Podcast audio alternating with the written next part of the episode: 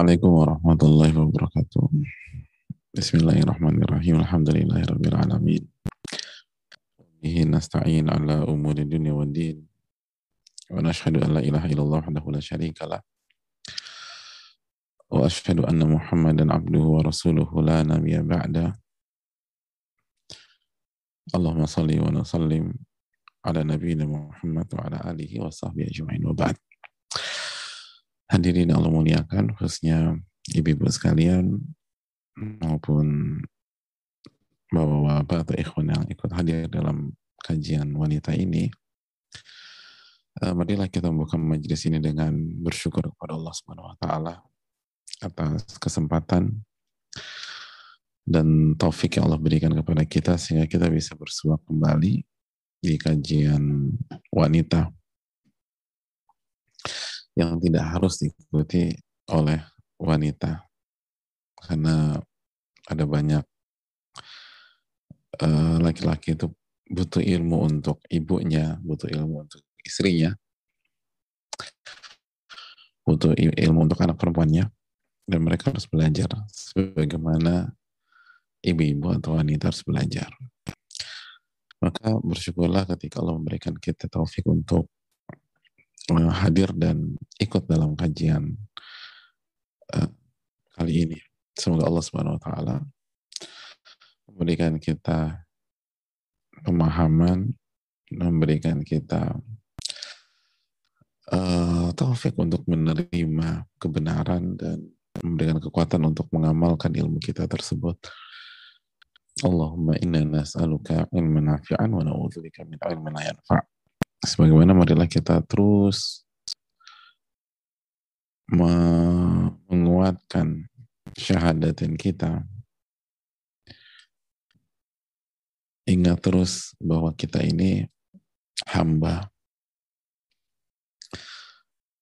yang diperintahkan untuk beribadah dan menghamba kepada Allah Subhanahu wa taala.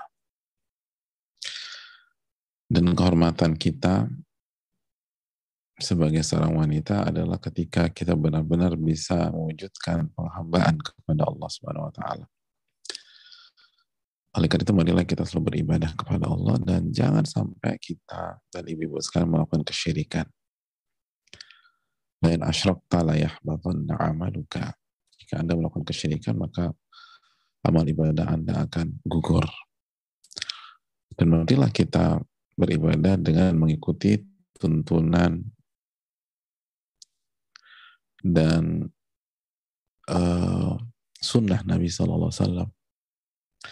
Ikuti beliau, teladani beliau, dan jangan lupa bersalawat dan ucapkan salam kepada beliau Sallallahu Alaihi Wasallam.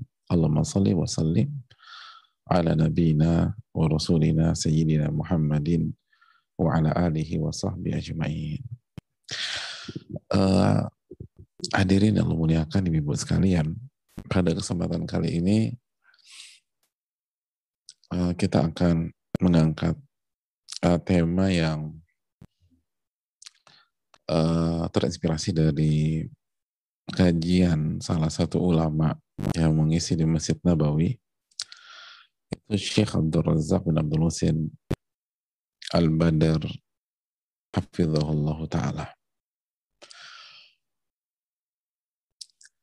ketika beliau menyampaikan bahwa ada rahasia yang harus diketahui oleh ibu-ibu sekalian. Rahasia kehidupan. Rahasia kebahagiaan seorang wanita. Sekaya apa pun wanita, ibu-ibu. Secerdas apa pun. Setinggi apa pun IPK-nya dan sehebat apa pun dia dalam mengalahkan laki-laki dalam bidangnya, dalam kepintaran, dalam prestasi, dalam nilai-nilai di bangku kuliah, maka dia nggak akan bahagia. Dia nggak akan bahagia sampai dia mengetahui rahasia ini, lalu dia memiliki dan mengamalkan.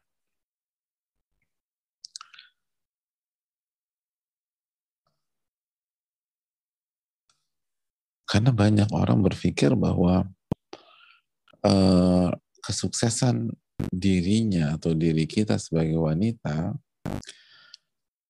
dan kemerdekaan hidupnya itu pada saat dia mengalahkan laki-laki.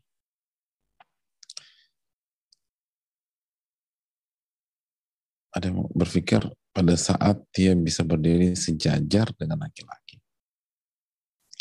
Bahkan lebih tinggi dari laki-laki. Maka itulah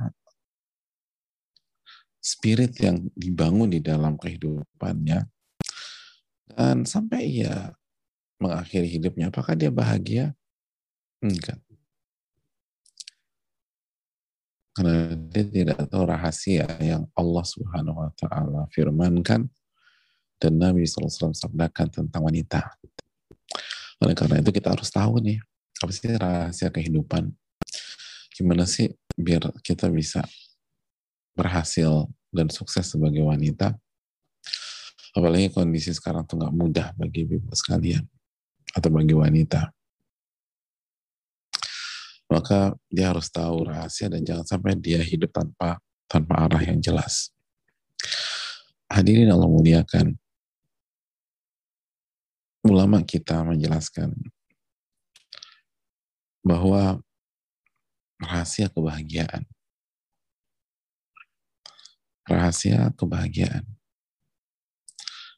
dan rahasia kesempurnaan hidup seorang wanita adalah ketika dia menjadi hamba Allah. Dia taat kepada Allah.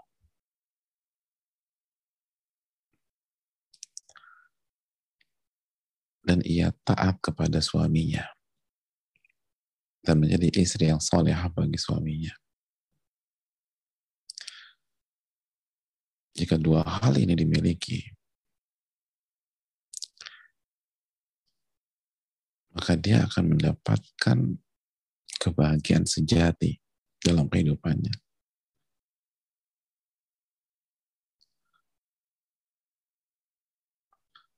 Dan dia benar-benar merasakan kehidupan yang benar-benar hidup. Dia akan dapat ketenangan, kenyamanan.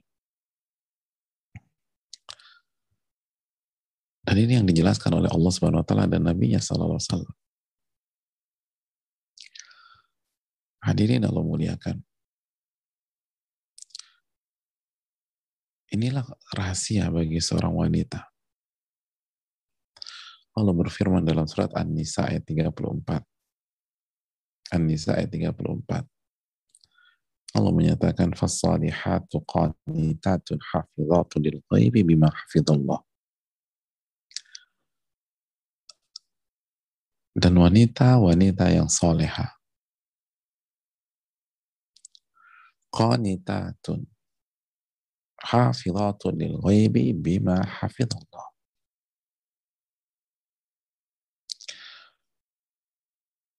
wanita-wanita yang soleha mereka itu taat. Kata Abdullah bin Abbas taat kepada suami.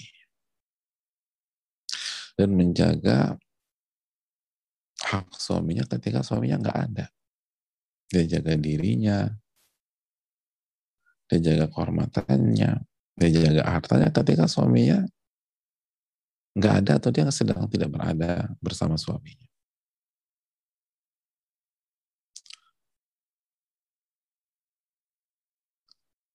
Sebagaimana yang Allah jaga. Dan dalam ayat ini, jemaah sekalian lihat, Allah menggabungkan antara kesolehan dan ketaatan kepada suami.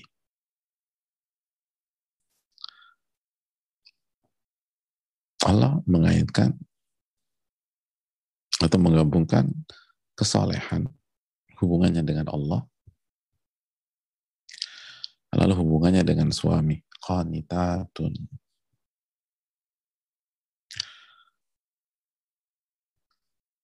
ini rahasia fasalihat, kesalehat, hablu minallah. Lalu qanitatun, taat sama suami.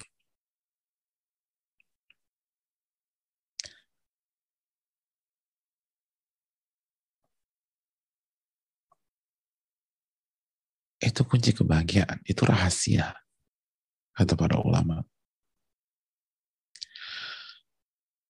Dan rahasia ini pun juga disebutkan oleh Nabi kita Wasallam dalam hadis yang sangat terkenal di dunia ibu-ibu yang dikeluarkan Imam Ahmad ketika Nabi SAW mengatakan idza sallatil mar'atu khamsaha apabila seorang wanita mengerjakan sholat lima waktu wasamat syahraha dan puasa di bulan Ramadan wa hafizat farjah dan dia menjaga kehormatan dan kemaluannya. Wa ata'at ba'laha dan dia taat sama suaminya. Qila laha udkhulil jannata min ayyi abwabil jannati syi'ti. Maka akan ada pengumuman kepada dia. Dia akan dipanggil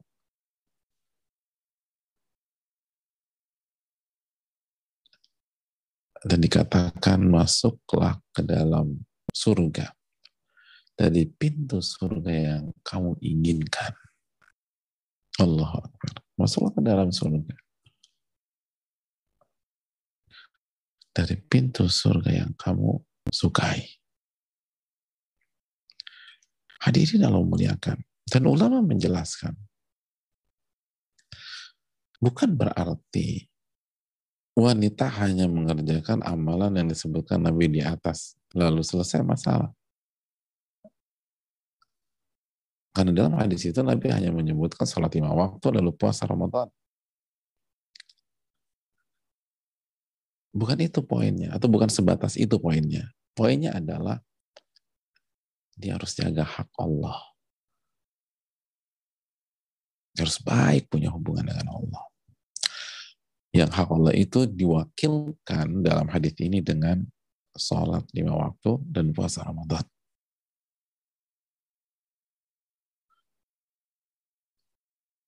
Lalu dia jaga hak suaminya.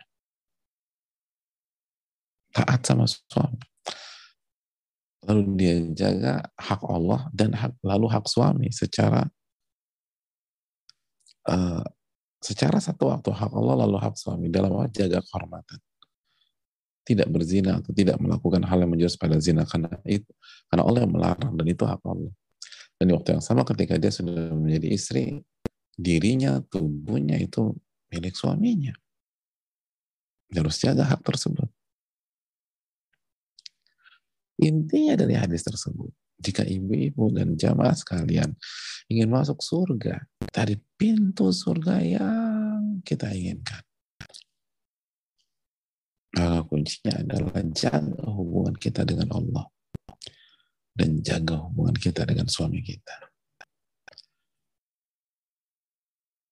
Jadilah hamba yang taat, lalu jadilah istri yang soleha.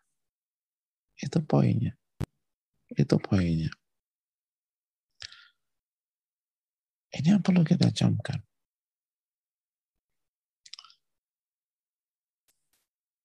Karena Allah dan Rasul tekankan itu ya ma.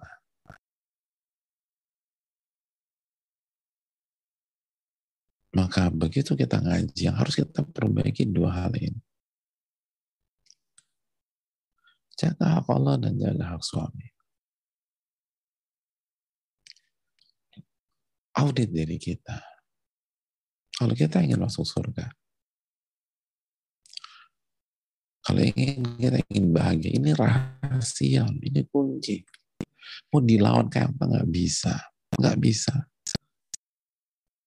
Secerdas apa pun kita, nggak akan bahagia. Demi Allah nggak akan bahagia. Sekaya apa pun kita, sebanyak apa pun fasilitas yang kita punya, tapi kalau kita tidak taat sama Allah dan tidak berubah, tidak akan berhasil. Ini yang perlu kita camkan. Maka ibu-ibu sekalian yang Allah muliakan.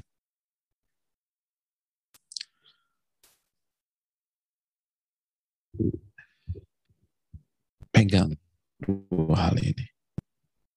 Nah, lalu mungkin ada yang bertanya, terus gimana dengan aku yang belum bersuami? Atau sekarang menjalani kehidupan sebagai seorang wanita yang single. Sudah pernah bersuami tapi suami meninggal atau bercerai. Atau misalnya ibu-ibu yang sudah lanjut usia memang tidak ada rencana untuk menikah. Apakah materi ini tidak atau kurang bermanfaat bagi mereka? Jawabannya enggak. Bagi yang belum menikah atau akan menikah, jadikanlah ini sebagai modal kita ketika nanti kita masuk ke pernikahan. Tanamkan ini baik-baik. Dan, dan, dan jangan berpengaruh dengan uh, konsep-konsep yang bertentangan dengan konsep Allah dan Rasulnya. Begitu kita menikah, maka taatilah suami kita kecuali dalam maksiat. Kecuali dalam maksiat. Taati, taati, dan taati.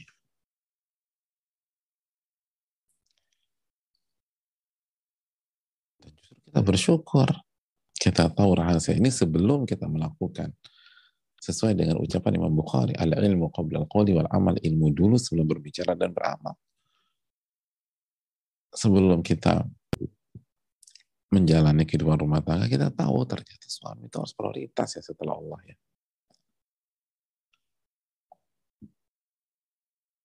Dan ketika kita lihat di lapangan, kita jadi tambah bersyukur lagi karena banyak wanita yang tidak bahagia dan gagal karena tidak tahu rahasia ini atau terlambat mengetahui rahasia ini. rumah tangganya keburu berantakan duluan. Keburu hatinya keburu hancur duluan. Alhamdulillah, aku tahu sebelum aku menikah ya. Aku bersyukur sama Allah Subhanahu wa taala. Lalu mungkin timbul lalu bagaimana dengan aku nih Pak Ustadz? Aku suamiku udah meninggal. Dulu aku nggak tahu kayak begini, aku ngejawab, aku ngelawan, aku suara tinggi. Atau rumah tanggaku sudah berakhir, Ustaz. Dan benar apa yang dikatakan ulama, ketidaktahuanku tentang rahasia ini buat hidupku berantakan. Kehidupan rumah tanggaku dan keluargaku ibarat neraka dunia. Terus gimana? Jangan berkecil hati. Untuk kasus ini, bersyukurlah kita tahu rahasia itu sekarang. Sehingga kita bisa bertobat kepada Allah.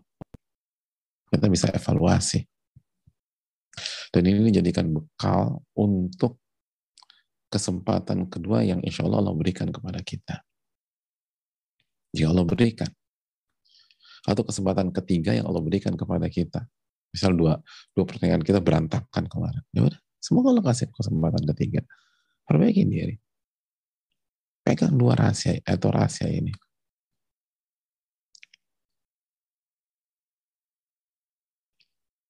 begitu juga dengan misalnya para senior sesepuh atau orang-orang tua kita yang baru tahu rahasia ini setelah usia lanjut dan memang nggak ada rencana untuk menikah lagi. Udah tinggal single dan seterusnya. Terus gimana? Ini materi juga penting agar kita tutup kehidupan kita dengan husnul khotimah. Kita perbanyak tobat ketidaktahuan kita tentang rahasia ini sering kali membuat kita dulu ngejawab suami, ngebentak suami, suara tinggi pada suami, marah sama suami, tekan suami. Dan kalau dulu kita udah taat sama Allah dan taat kepada suami selama tidak maksiat, maka di akhir kehidupan kita ini kita bernafas lega, Alhamdulillah. Ternyata sikap saya dulu tuh benar ya.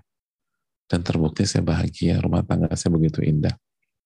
Dan semoga saya ditemu, dia, saya dikumpulkan lagi dengan beliau di surga. Dan kalau ternyata dulu masalah, taubat kepada Allah.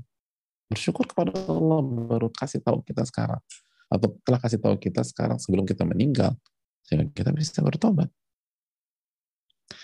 Jadi ini penting ya mas. Ini bukan hanya tentang ibu-ibu yang sedang berumah tangga atau yang sedang punya keluarga.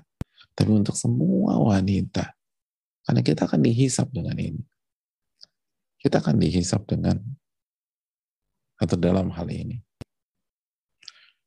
Itu yang harus kita camkan. Terus yang berikutnya hadirin Allah muliakan. Dan yang perlu kita ingatkan juga, hak Allah yang dimaksud bukan hanya amalan zohir. Bukan hanya tentang sholat, bukan hanya tentang puasa, tapi seperti yang Allah firmankan, inna sholati wa nusuki wa mahyaya wa mamati lillahi rabbil alamin. Sesungguhnya sholatku, ibadah dan sesembelihanku, hidupku dan matiku, semuanya aku persembahkan untuk Allah Rabbul Alamin. Surat Al-An'am ayat 162. Ini mencakup amalan-amalan zohir seperti sholat, dan juga amalan-amalan batin seperti amalan hati. Ada banyak ibu-ibu merasa sudah sholat, sudah puasa, tapi tetap tertekan dengan kehidupannya. Dan merasa tersiksa dengan rumah tangganya. Lalu suaminya disalahin. Nggak romantis lah, pelit lah.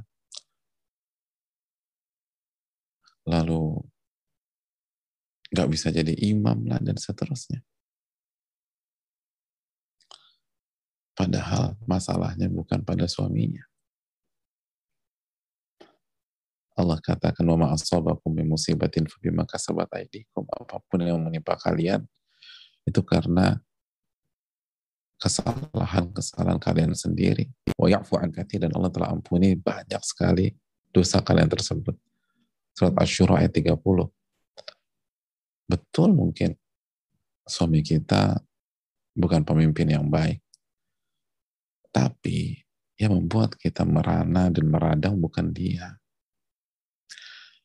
Yang membuat kita merana dan meradang adalah karena kita kurang ikhlas dalam menjalani hidup itu. Suami kita nih kerjanya main game terus, masya Allah. Itu kan nggak benar Pak Ustadz. Iya nggak benar.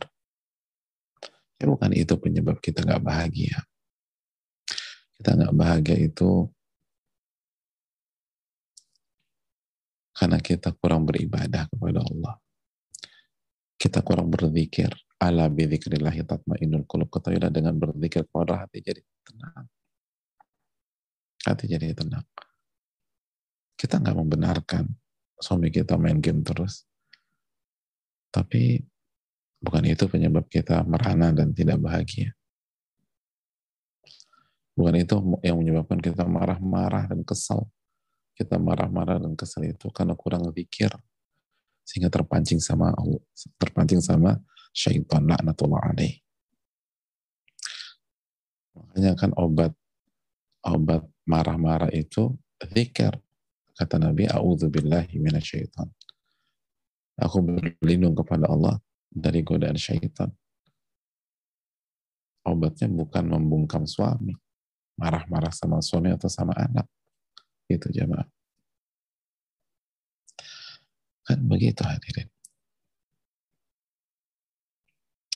Jadi ketidakbahagiaan kita itu karena uh, kegagalan kita jadi seorang hamba. Kurangnya kita berzikir kepada Allah lalainya kita dalam sholat. Masih jauhnya kita dari Allah Tabaraka wa Ta'ala. Yang bikin kita emosi itu bukan anak-anak, ibu-ibu. Bukan suami. Bukan orang tua, bukan. Tapi coba deh, salah satunya mungkin jauhnya kita dari Al-Quran jauhnya kita dari Al-Quran. Bukan kalau mengatakan wa nunazzilu minal Quran ma huwa lil mu'minin. Dan kami turunkan dari Al-Quranul Karim ayat-ayat yang berfungsi sebagai obat dan kasih sayang bagi orang-orang beriman. Kasih sayang. Al-Isra ayat 82. Al-Isra ayat 82. Jadi ketika kita merasa suamiku nih gak peka, gak romantis, anak-anak juga ngebantah aja kerjaannya. Lalu kita marah-marah. Tak ada perhatian anak-anak ini. Oh bukan. Betul, mereka salah. Kita nggak membenarkan kesalahan. Tapi ketika kita merasa kurang kasih sayang, itu bukan karena itu. Karena kita kurang dekat sama Al-Quran. Kalau Allah ada wanita punya tipikal suami seperti itu, anak-anak demikian, tapi dia dekat sama Al-Quran, maka rahmat dan kasih sayang tidak akan kurang dalam dirinya. Kan Allah mengatakan wa nunazziru minal Qur'an ma huwa syifa wa rahmatun lil mu'minin. Dan kami turunkan dari Al-Qur'an ayat-ayat yang berperan sebagai obat penyembuh dan rahmat kasih sayang bagi orang-orang yang beriman. Itu hadirin Allah muliakan. Jadi ini bukan hanya tentang sholat atau tentang puasa. Ini bukan taat sebagai dalam hal yang zohir. Ini tentang taat luar dalam jemaah. Taat luar dalam. Gitu hadirin. Makanya jemaah yang Allah muliakan. salah satu kesalahan yang cukup fatal yang terjadi di dunia ibu-ibu yang baru ngaji, yang baru berhijrah, yang sedang berusaha berubah, tapi masih baru.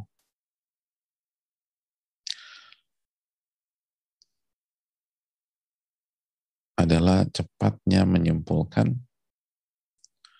bahwa penyebab masalah dia adalah orang-orang terdekatnya.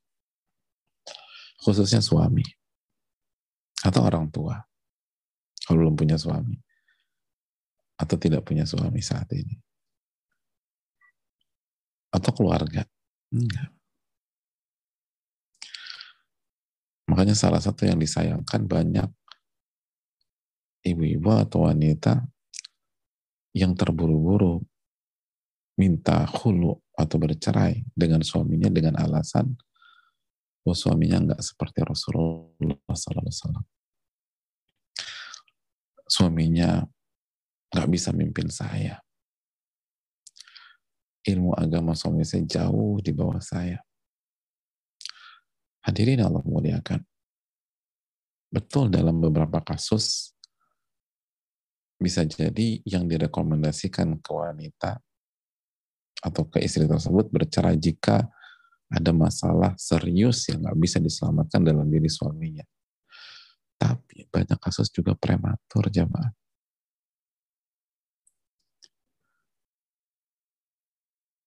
Ketidakbahagiaan mereka itu bukan karena suami. Tapi karena mereka nggak sabar. Dan ingat sabar itu adalah hak Allah. Itu ibadah.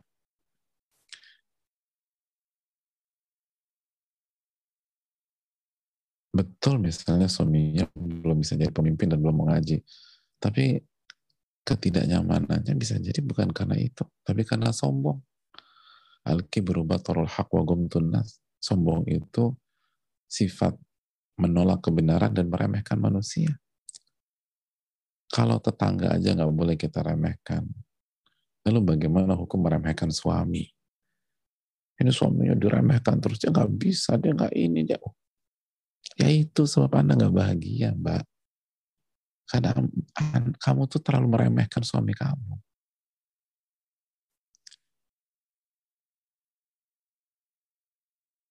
Makanya ada banyak kasus demikian. Udah kita bercerai aja. Karena aku butuh pemimpin. Sabar. Ada banyak kasus. Jika istri sabar, lalu istri bertakwa sama Allah, lalu berdoa siang malam, itu suami Allah kasih hidayah dan mendukung. Ya habis suamiku nggak dukung aku ngaji Pak Ustadz. Iya, itu salah. Tapi apa benar? Akar masalahnya dari beliau. Jangan dari kita. Karena kita belum bisa jadi hamba yang baik. Kita kurang minta pertolongan sama Allah. Kita lupa introspeksi dan lupa kurang eh, dan kurang beristighfar dan gampang menyalahkan orang. Dan berikutnya pertanyaan, emangnya udah jadi istri yang baik? Udah jadi istri yang solehah? Udah jadi istri yang nurut dan taat selama bukan maksiat? Ketika dihitung-hitung sama juga. Memang suaminya bukan suami yang baik. Tapi kita juga bukan istri yang baik. Walaupun nanti ada alasannya, ya kan wanita butuh dipimpin. Ya wajar loh kalau kita ya, sebagai wanita nggak baik karena nggak dipimpin dan nggak diarahkan. Nggak akan selesai itu kayak berdebat telur sama ayam jemaah. Mana yang lebih dulu? Semua nggak akan ketemu-ketemu. Tapi coba kita kembalikan ke diri kita. Kita obati dengan istighfar. Lalu kita sabar. Terus sabar terus kita berusaha perbaiki kinerja kita sebagai istri mulai nggak bentak-bentak suami lembut sama suami, nurut sama suami. Apa susahnya Allah kasih hidayah? Ini yang perlu kita camkan jamaah. Ini rahasia. Perbaiki hubungan dengan Allah, lalu perbaiki hubungan kita dengan suami. Dan jangan nuntut suami. Wah, dibelain suami. Enggak. Ini kan karena kajian ibu-ibu. Tenang aja ibu-ibu kalau kita bicara dari sisi laki-laki, jelas kita akan tuntut laki-laki untuk bisa berperan sebagai pemimpin. Dan dosanya lebih gede jamaah. Itu pemimpin kan fatal.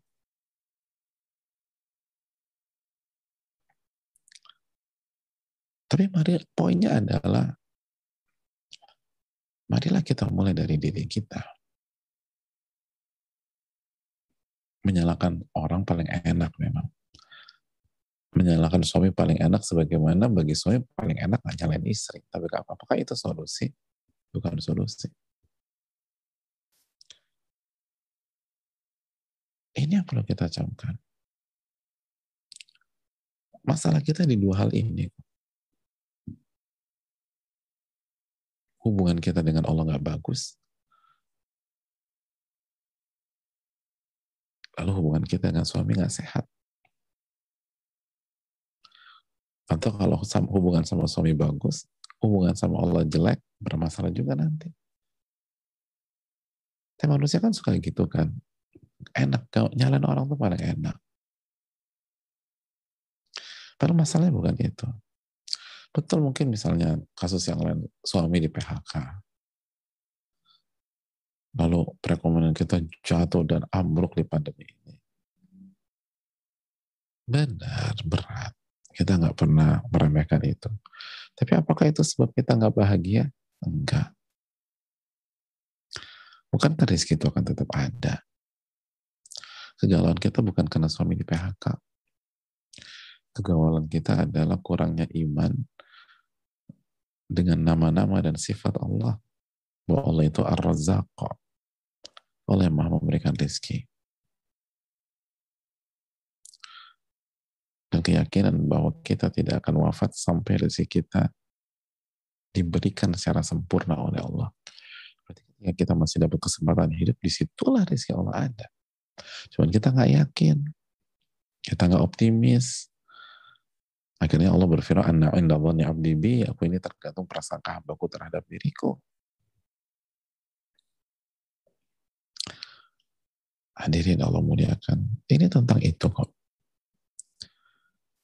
Jaga hubungan kita dengan Allah, lalu jaga hubungan kita dengan suami. Terakhir, mungkin ada yang mengatakan, Ustaz, tapi kan kita hidup bukan hanya tentang hablum minallah dan hubungan kita dengan suami. Karena ada orang tua, ada anak, ada silaturahim dan lain sebagainya. Apakah cukup dengan menjaga dua hubungan tersebut? Apakah rahasianya nggak kurang, Ustaz? Jawabannya nggak, nggak kurang.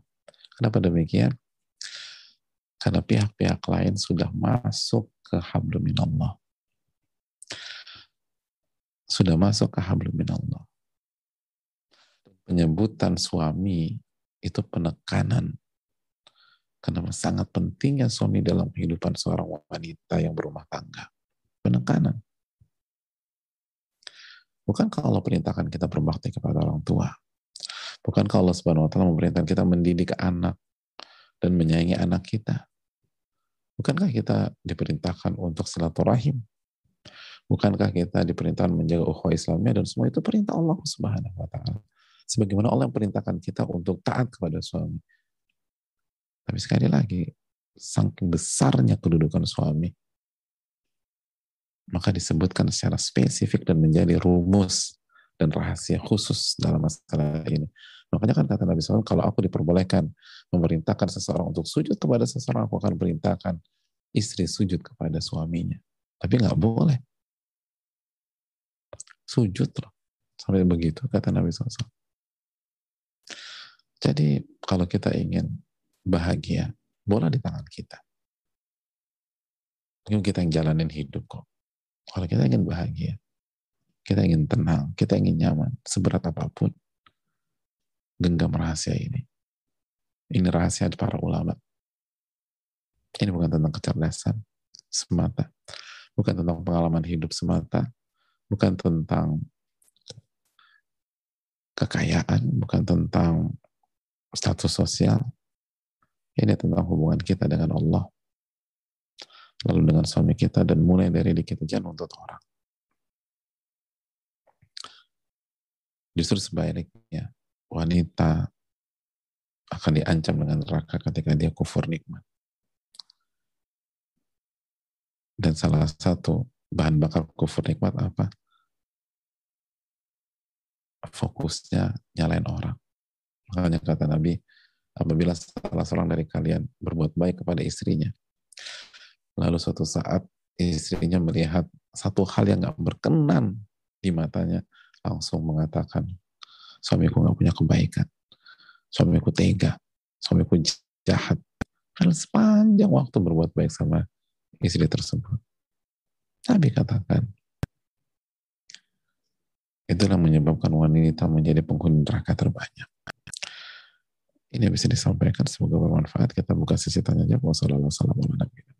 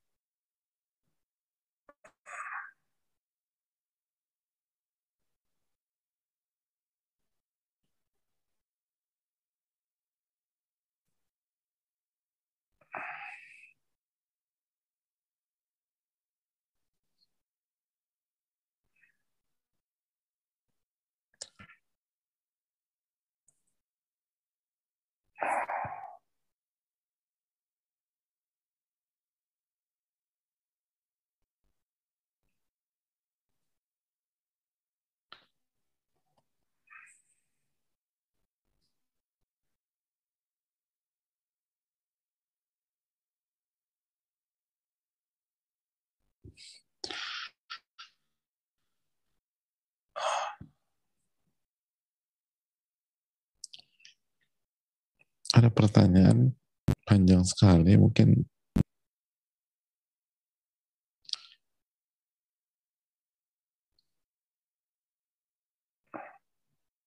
mungkin bisa dikonsultasikan secara khusus ya.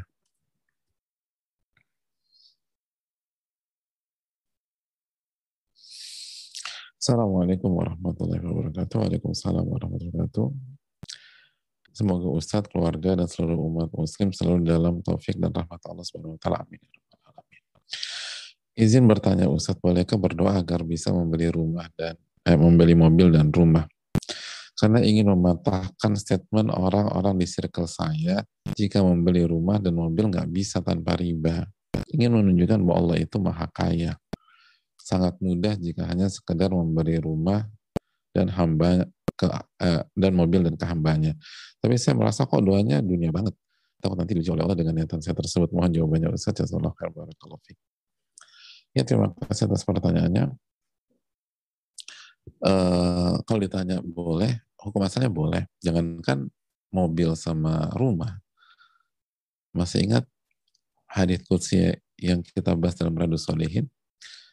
Allah berfirman kullukum ja'in illa man at'amtuhu fastat'imuni ud'imkun Wahai hamba-hambaku, kalian tuh kelaparan.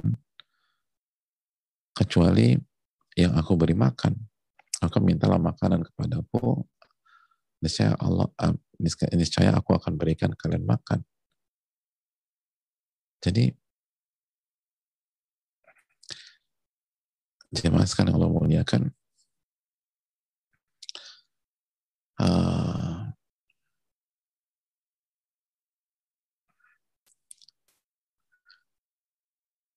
sudahkah kita minta makanan hari ini kepada Allah Subhanahu wa taala?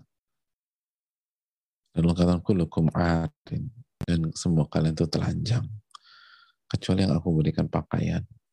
Mintalah pakaian kepada diriku, niscaya aku akan kasih kalian pakaian. Sudahkah kita minta pakaian pada hari ini kepada Allah? Maka mintalah segala sesuatu kepada Allah. Bahkan para ulama dulu tuh minta, minta garam sama Allah. Garam habis doa sama Allah. Tali sendal atau sepatu putus minta sama Allah. Jadi mintalah sama Allah. Itu pertanyaan, itu poin. Poin yang kedua, ibu-ibu dan jamaah sekalian, eh, minta dunia itu sebagaimana tadi yang sudah kita jelaskan itu diperbolehkan. Dengan catatan yang pertama menunjukkan ketidakmampuan kita dan kerendahan kita sebagai seorang hamba kepada Robnya sebagai simbol kebutuhan kita sebagai seorang hamba secara mutlak kepada Robnya kepada Allah Subhanahu Wa Taala dan juga jangan hanya minta dunia saja, minta ke akhirat untuk membuktikan bahwa memang ini dalam rangka menunjukkan kebutuhan kita secara mutlak kepada Allah, bukan karena kita terobsesi terhadap dunia. Nah, itu poin. Terus yang berikut. Tapi kalau niatnya untuk berdakwah dan seterusnya, maka tidak dilarang juga.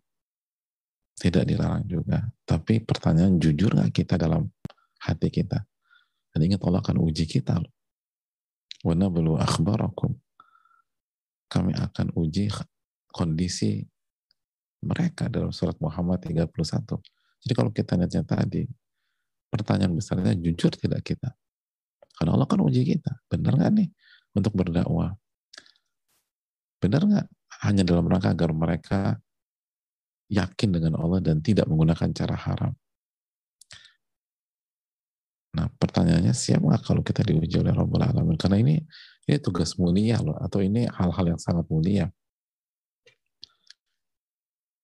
Kalau Allah kasih benar-benar rumah yang megah, mobil yang premium, bisa nggak kita tetap istiqomah? Dan boleh di tangan kita minta pertolongan sama Allah minta pertolongan kepada Allah. Dan uh, dan yang terakhir wa khairul hadi hadi Muhammadin sallallahu alaihi wasallam. Sebaik-baik petunjuk adalah petunjuk Rasul sallallahu alaihi wasallam. Uh, dan Rasul sepengetahuan kami tidak menggunakan cara seperti itu tapi tetap jalan on track dan kita doakan mereka semoga mereka dapat hidayah. Terlepas nanti dapat uang atau enggak. Karena nggak harus demikian juga. Allah taala alam mungkin itu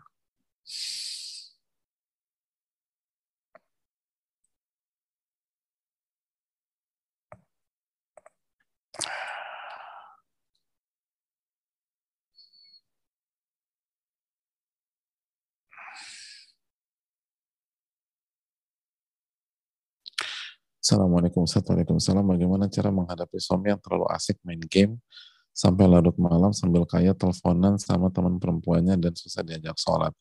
Terima kasih Ustadz. Terima kasih Jazakallah.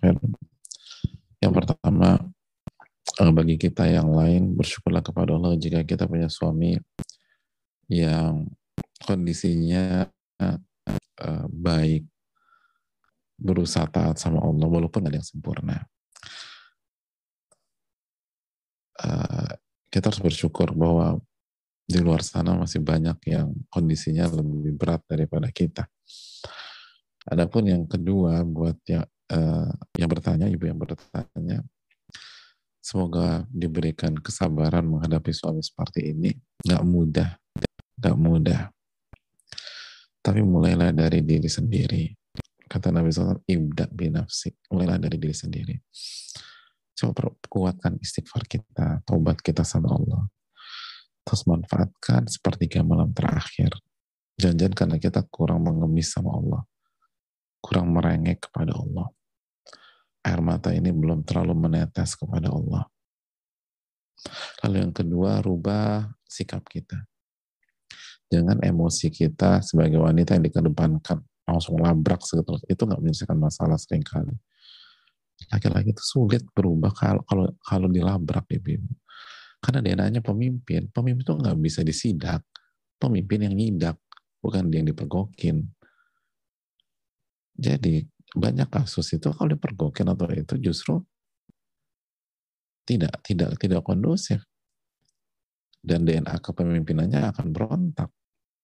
Jadi coba perbaiki diri sendiri. Tahulah kita harus ngerti dengan siapa kita kita berhadapan dengan siapa. Itu hal yang perlu kita camkan. Perbaiki sikap kita kepada suami kita. Mungkin karena kita tidak bisa menjadi atau belum bisa lebih tepatnya belum bisa menjadi teman hidup yang nyaman, teman ngobrol yang baik. Dan nggak usah salahkan siapa pun. Mulai dari sekarang perbaiki diri kita. Belajar, belajar bicara, belajar berubah, dan minta pertolongan sama Ya Allah, Ya Allah kasih taufik kepada saya sehingga saya bisa jadi teman bicara suami saya enak. Minta pertolongan sama Allah dan mulai pelan, pelan, pelan. Terus ditambah dengan banyak istighfar, banyak bertaubat. Insya Allah, Allah akan rubah semuanya. Bismillahirrahmanirrahim. Allah ta'ala misalnya.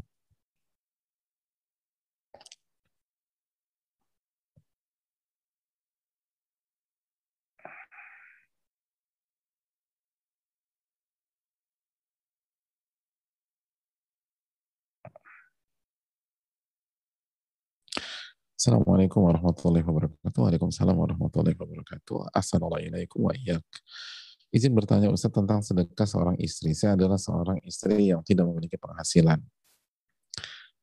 Semua murni nafkah suami. Di rumah kami tak ada aturan istri yang pegang uang suami. Saya hanya dapat uang dari suami ketika saya meminta untuk segala keperluan saya sesuai kemampuan suami. Sebagai bakti saya pada suami, saya selalu berusaha terbuka pada suami tentang keperluan saya Termasuk jika ingin bersedekah dari uang yang dia berikan.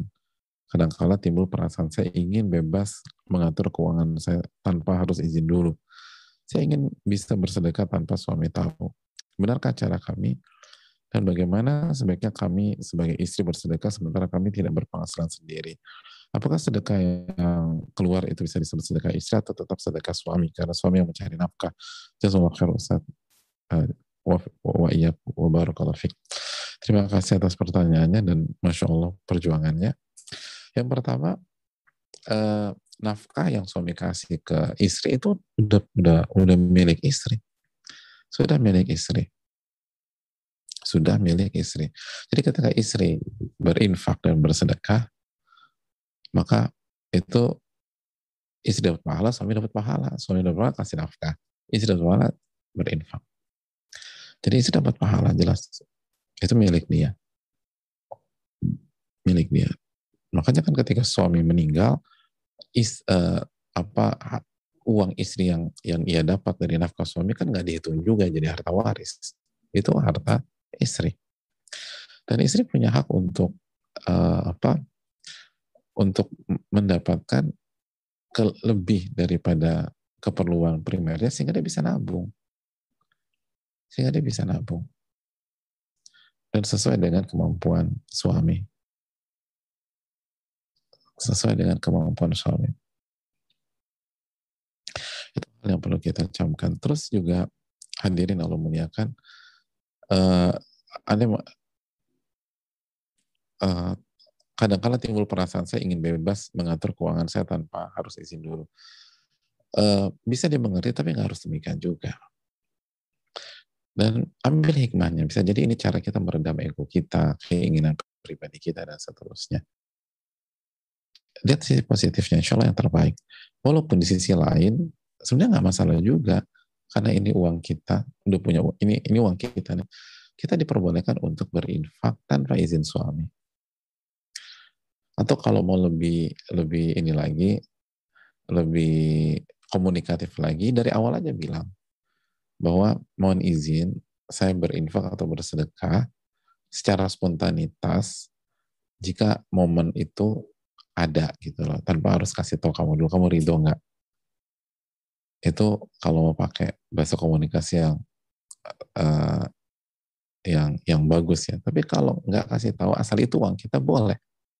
Dalilnya adalah ketika para sahabat dikumpulkan oleh Nabi SAW Lalu Nabi SAW mengatakan wahai para wanita tasadakna wahai wanita berinfaklah dan bersedekahlah dan secara spontanitas wanita yang hadir atau sahabat yang hadir di saat itu langsung menginfakkan atau mensedekahkan apa yang dia punya dan apa yang dia bawa pada saat itu. Jadi on the spot langsung dikasih. Dan tidak diriwayatkan mereka semua minta izin dulu ke suaminya. Apalagi nggak ada handphone kan, nggak WA dulu, gimana harus pulang dulu kan. Oh itu uh, apa namanya uh, langsung Nabi dengan para wanita. Dari sini menunjukkan bahwa bolehnya wanita menginfakkan hartanya, hartanya bukan harta suaminya, hartanya sendiri tanpa izin suaminya. Allah Ta'ala bisa.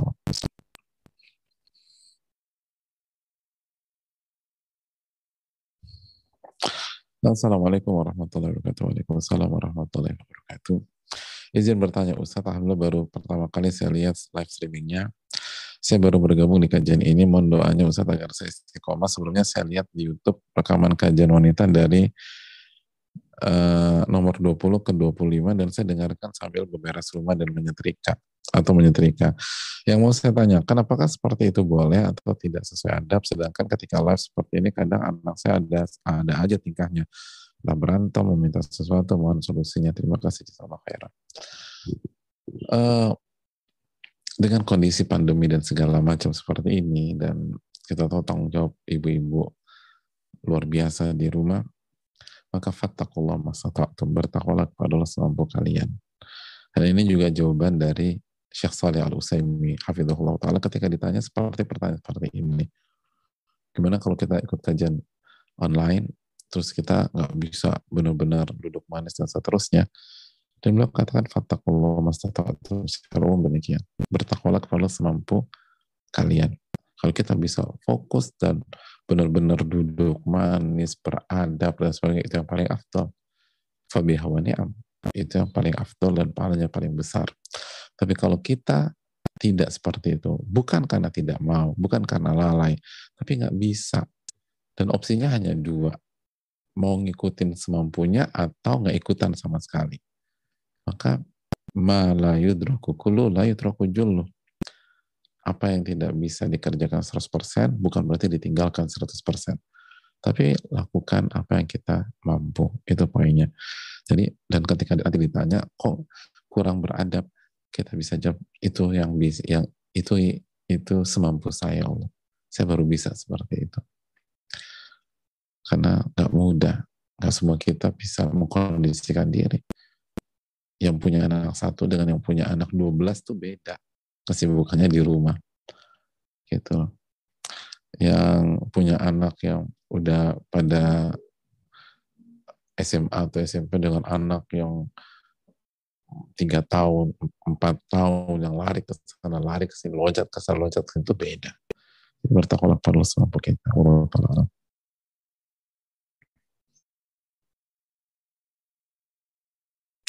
Assalamualaikum warahmatullahi wabarakatuh. Waalaikumsalam warahmatullahi wabarakatuh.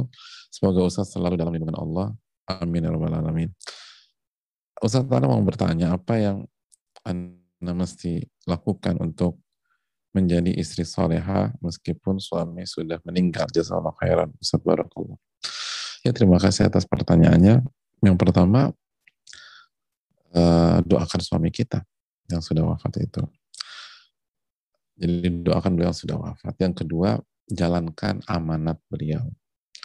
Ajaran yang beliau sampaikan, kebaikan yang beliau tanamkan, itu dijaga. Sehingga beliau dapat pahalanya terus pada saat beliau adalah dalam kubur. Jadi ketika beliau dulu kasih nasihat kita kita tuh harus jadi kita harus soleha, ingat sama Allah banyak doa, banyak doa. Beliau ingatkan kita harus banyak istighfar, terus perbanyak istighfar dan seterusnya.